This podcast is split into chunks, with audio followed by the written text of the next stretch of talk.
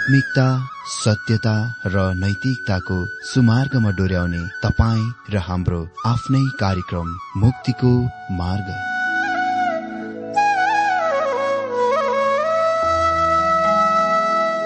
आदरणीय श्रोता यस मुक्तिको मार्ग कार्यक्रममा हार्दिक स्वागत छ।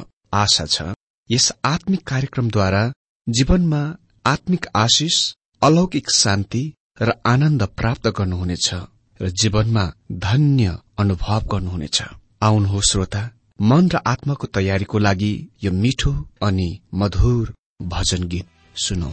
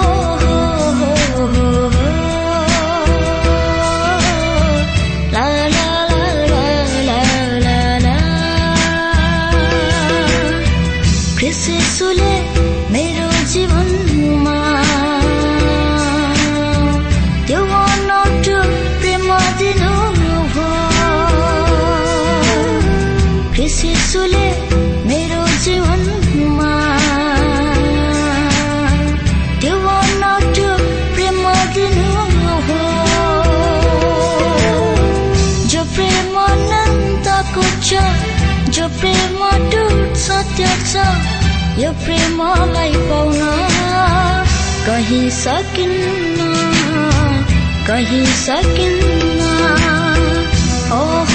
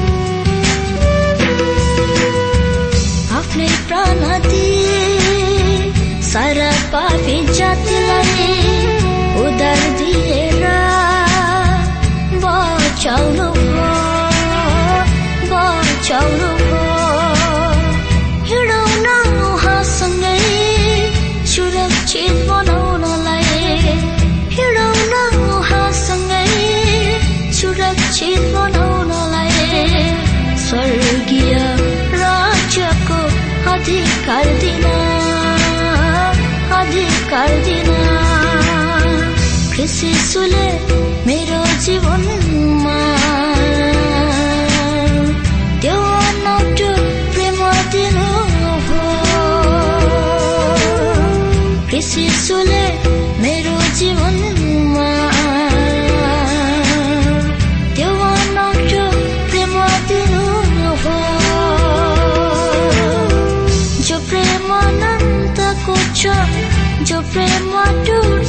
छ यो प्रेमलाई पाउन कहीँ सकिन्न कहीँ सकिन्न। ओ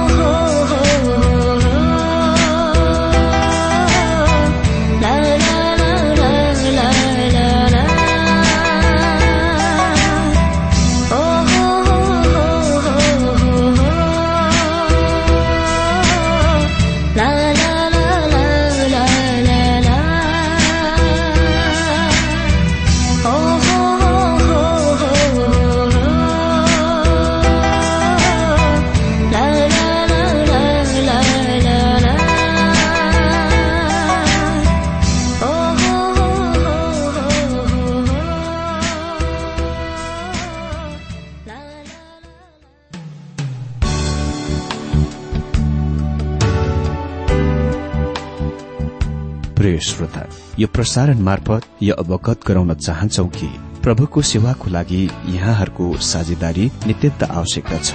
यहाँहरूले प्रार्थनाको साथसाथै आर्थिक सहायता गर्न अनुरोध गर्दछौ। तपाईँहरूको सानो भन्दा सानो भेटी किन नहोस्? हामी प्रभुको नाममा स्वीकार गर्नेछौ। प्रभुको सेवाको लागि। तपाईँहरूको यो सानो लगानीले कसैको जीवनमा भिन्नता ल्याउँछ अनि प्रभुको महिमा हुन्छ। प्रभु तपाईँहरूलाई महान गरी आशिष दिनुहुनेछ। इच्छुक श्रोताहरूले तपाईँको इच्छा भेटी हाम्रो ठेगानामा पठाउन सक्नुहुन्छ जुन ठेगाना हामी कार्यक्रमको अन्तमा दिनेछौं। प्रिय श्रोता मित्र प्रभु येशु ख्रिष्टको मधुर अनि सामर्थ्य नाममा मेरो जयमसी साथै हार्दिक स्वागत छ आजको यो बाइबल अध्ययन कार्यक्रममा। श्रोता आज हामी बाइबल अध्ययन नयाँ पुस्तकबाट अध्ययन गर्न गइरहेका छौं। त्यो पुस्तक हो बाइबलको नयाँ नियमको दोस्रो पत्रुस। म आशा गर्दछु कि यस पुस्तकबाटको हाम्रो बाइबल अध्ययनमा पनि धेरै धेरै आशिष प्राप्त गर्नुहुनेछ। आज खालि हामी यस पुस्तकको परिचय भाग मात्र देख्नेछौ। हजुर दोस्रो पत्रुस एक अध्याय अनि एक पद अनुसार सिमोन पत्रुस नै यस पत्रका लेखक हुन्। तर नयाँ नियममा अरू पुस्तकको लेखकको सम्बन्धमा भन्दा धेरै यो पत्रको पत्रुस नै लेखक हुन् भन्ने कुराको धेरै चुनौती दिइएको छ।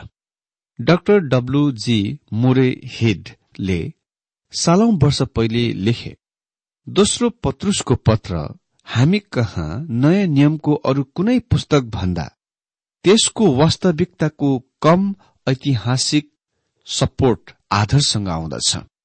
यस चुनौतीले मौलिकवादी वा रूढिगत धर्म विद्वानहरूलाई यस पत्रमा अति नै धेरै ध्यान दिन लगायो जुनले गर्दा यो अति नै राम्ररी पुष्टि गरिएको छ कि पत्रुस नै यो पत्रको लेखक हुन् वा यो पत्रुसको दोस्रो पत्रुस पत्रुसले नै लेखे।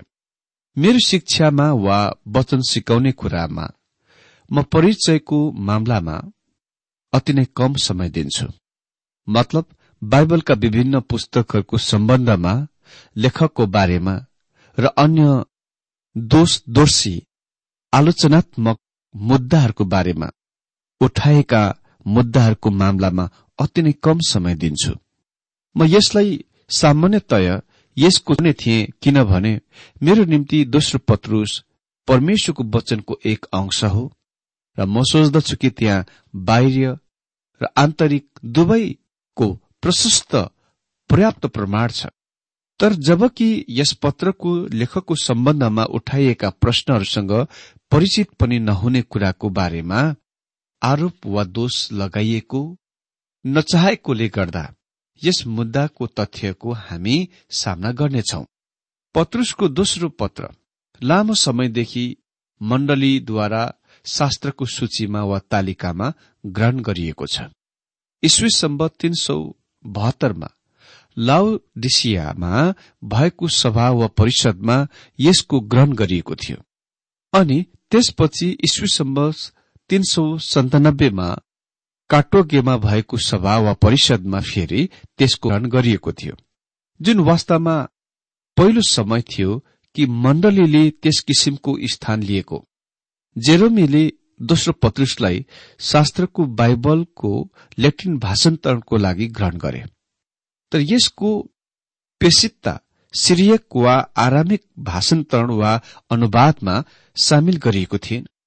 यस त्यस अनुवादको कति पनि ग्रहणयोग्य छैन। अनि त्यसको बारेमा अन्य कुराहरू छन् कि मलाई निश्चय छ कि हामी सबै कुराको इन्कार गर्नेछौ। अनि त्यस कारण यो बिल्कुल अर्थविहीन छ कि दोस्रो पत्रुस त्यसमा सामेल गरिएन। युसेबियस एक प्राचीन चर्च पिताले मण्डली पिताले विवादित पुस्तकहरूको बीचमा दोस्रो पत्रुसलाई राखे। ओरिजेनले यसको ग्रहण स्वीकार गरे। अलेक्जेन्ड्रियाको क्लिमेन्टले यसको स्वीकार गरे ग्रहण गरे र उसले यसको विषयमा टिप्पणी टीका लेखे। दोस्रो पत्रुसको प्रकाशमा उद्धृत गरिएको छ। पत्रुसको प्रकाशमा उद्धृत गरिएको छ जुनको निश्चय नै नियम अनुसार नियुक्तको रूपमा ग्रहण गरिएको छैन। यहुदाको पत्रले प्रत्यक्ष रूपमा दोस्रो पत्रुसबाट उद्धृत गर्छन् र यो कुराको सिद्ध गर्दछन् कि यहुदा यस दोस्रो पत्रुससँग अति नै राम्ररी परिचित थिए। केही प्राचीन मण्डली पिताहरूले आफ्नो लेखहरूमा दोस्रो पत्रुसबाट धेरै नमूनाहरू र उदाहरणहरूको उद्धृत गरेका छन् जस्तै Aristides Justin Martyr Irenaeus Ignatius रोमको Clement. यिनीहरूले आफ्ना लेखहरूमा दोस्रो पत्रुसबाट आफ्ना उदाहरणहरू र संकेतहरूको प्रयोग गरेका छन्। अनि तपाईँलाई यो पनि थाहा हुनुपर्नेछ कि मार्टिन लुथरले यसलाई सत्य वास्तविक यथार्थको रूपमा स्वीकार गरे वा ग्रहण गरे। काल्भिनले वास्तवमा यसको सन्देह गरेथे तर यसको अस्वीकार गरेनन्। इरासमसले यसको इन्कार अस्वीकार गरे। त्यसले तपाईँले यो पत्रको पृष्ठभूमिको केही इतिहास दिन्छ तर कोहीद्वारा यस पत्रको अस्वीकारको कारण प्रमाणित गर्न सिद्ध गर्न सकिँदैन। त्यहाँ आन्तरिक प्रमाणका धेरै र महान कुरा छन् विशेष गरेर निश्चित आत्मा चरित्र सम्बन्धीका खण्डहरूमा। जस्तै दोस्रो पत्रुस एक अध्यय तेह्र र चौध एक अध्यय सोह्रदेखि अठार अनि तीन अध्ययको एक पद। जुन मेरो निम्ति पूर्ण रूपमा निर्णायक हो कि सिमोन पत्रुस नै यो पत्रको लेखक थिए। तिनले लेखे यो दोस्रो पत्रुसको पत्र। पत्रुसले दोस्रो पत्रुस तीन अध्ययको एक पद अनुसार आफ्नो पहिलो पत्र लेखेपछि केही समय पछि तुरन्तै करिब छैसठी इस्वी सम्बतमा लेखे र दोस्रो पत्रुस एक अध्यय तेह्र र चौध पद अनुसार उनी शहीद हुनुभन्दा केही समय पहिले लेखे। यस पुस्तकको मुख्य विषय। अ दोस्रो पत्रुस पत्रुसको विजय गीत हो जस्तो कि दोस्रो तिमोथी पावलको विजय गीत हो। यी दुई पुस्तकहरू अति नै धेरै मिल्दा जुल्दा कुराहरू छन्। ती दुवै पत्रुसहरूले भयानक सत्य विश्वास त्यागको चेतावनी दिँदछन्। पत्रुसले शिक्षाहरूको बीचमा झुट्टा शिक्षकहरूको चेतावनी दिन्छन्।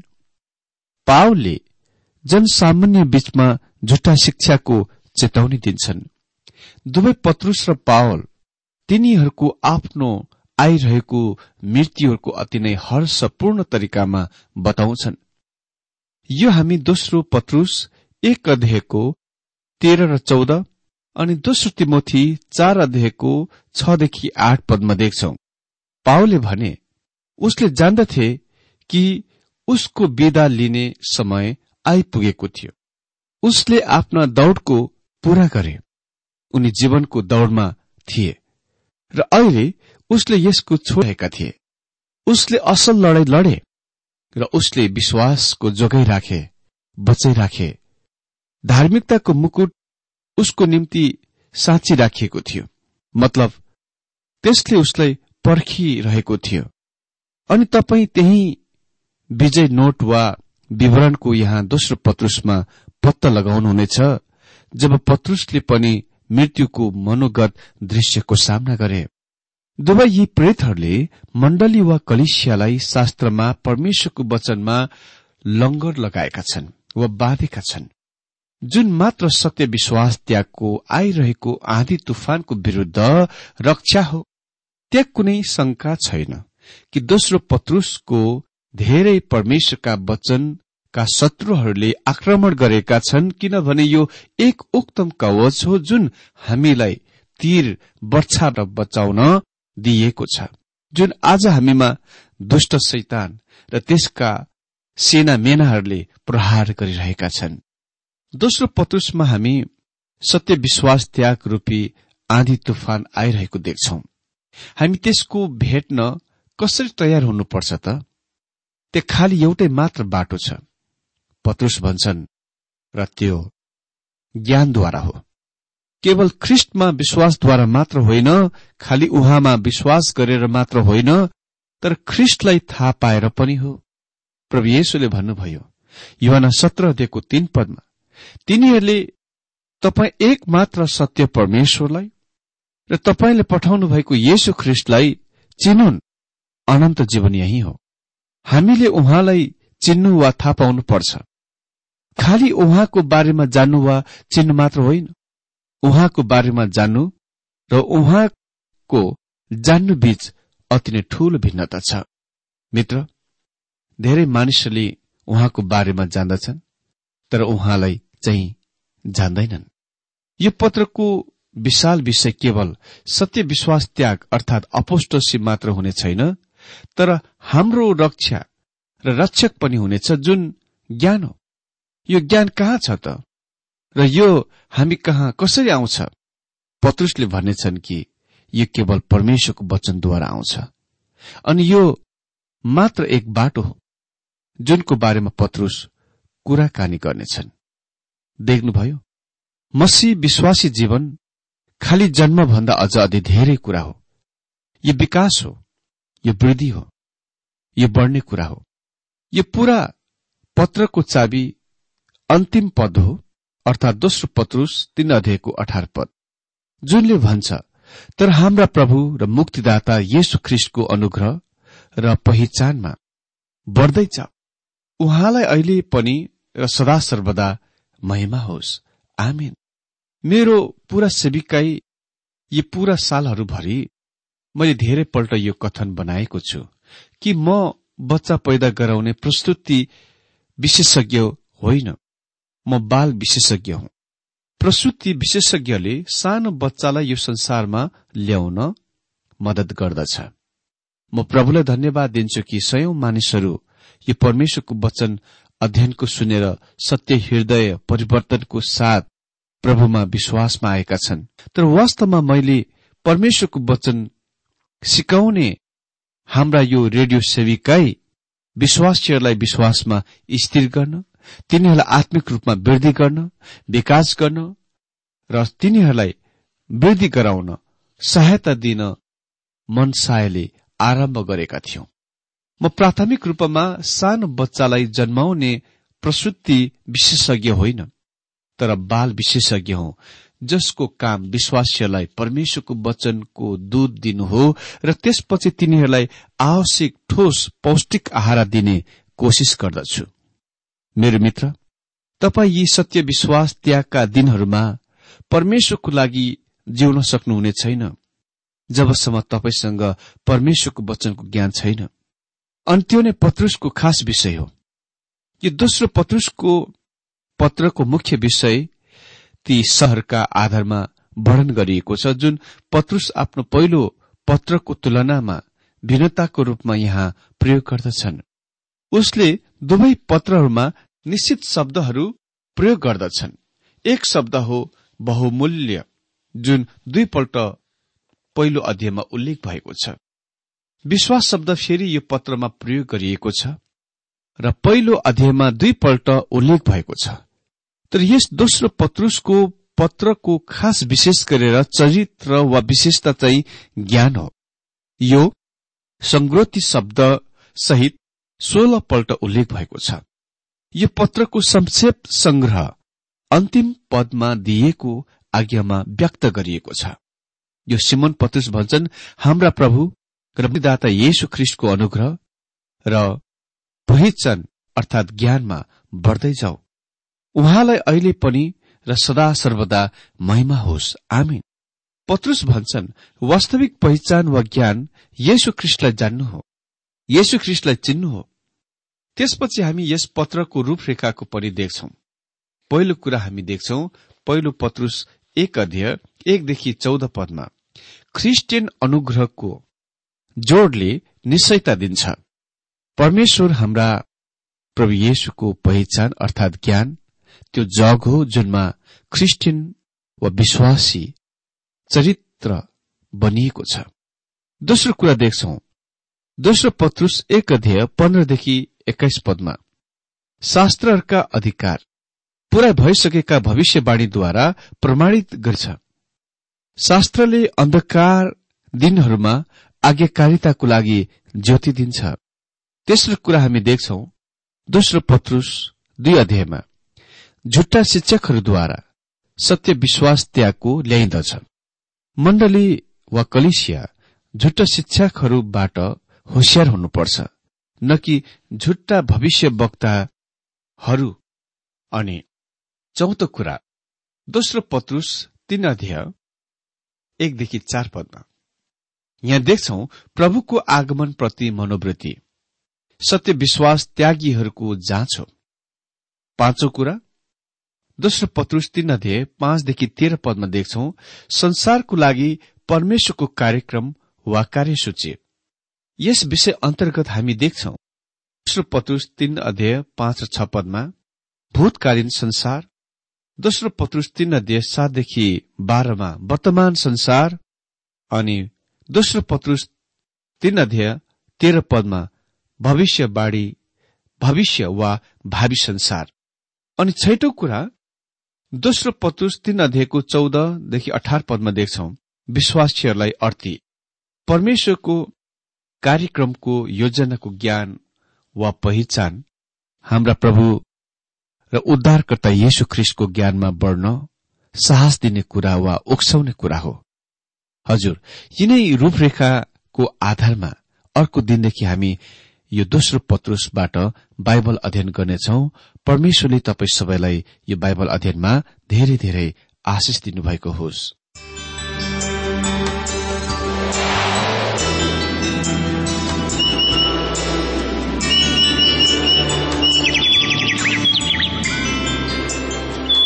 प्रिय श्रोता अहिले भर्खरै तपाईँले टीडब्ल्यूआर नेपालद्वारा सञ्चालित आत्मिक कार्यक्रम मुक्तिको मार्ग सुनिरहनु भएको थियो। श्रोता आजको यो कार्यक्रम सुनेर तपाईँलाई कस्तो लाग्यो? यदि यो कार्यक्रम सुनेर मनमा कुनै खुल्दुली वा कुनै प्रतिक्रिया अर्थात सुझावहरू छन् भने हामीलाई पत्रद्वारा लेख्न सक्नुहुनेछ। हामी हृदयदेखि नै स्वागत गर्नेछौ स्वीकार गर्नेछौ साथै बाइबल सम्बन्धित प्रचारहरू कार्यक्रम सारणीहरू हामी अनुरोधमा पठाउन सक्छौ। अनि तपाईँसँग कुनै प्रार्थनाको विषय छन् भने हामीले तपाईँको लागि प्रार्थना गरेको चाहनुहुन्छ। भने प्रभुमा आफ्नै परिवार सम्झेर हामीलाई पत्रमा लेख्न सक्नुहुनेछ। तपाईँको लागि हामी प्रभु येशुसँग प्रार्थना गर्नेछौ। अधिक जानकारी र पत्रचारको लागि हाम्रो ठेगाना यस प्रकार छ। कार्यक्रम मुक्तिको मार्ग जीपीओ नम्बर उनानब्बे पचहत्तर एपीसी पच्चिस एकसठी काठमाडौँ। ठेगाना एकपल्ट सुन्नुहोला। कार्यक्रम मुक्तिको मार्ग जीपीओ नम्बर उनानब्बे पचहत्तर एपीसी पच्चिस एकसठी काठमाडौँ। हाम्रो इमेल एड्रेस हो TWR Nepal at Yahoo dot com. साथै यस नम्बरमा एसएमएस गर्न सक्नुहुनेछ। अन्ठानब्बे चार सत्तरी पैतिस छ सय उनासी नौ आठ चार सात जिरो तीन पाँच छ सात नौ। हुन्छ श्रोता आजलाई हामी विदा चाहन्छौ। अर्को कार्यक्रममा हामी पुनः भेट्नेछौ तबसम्मलाई नमस्कार।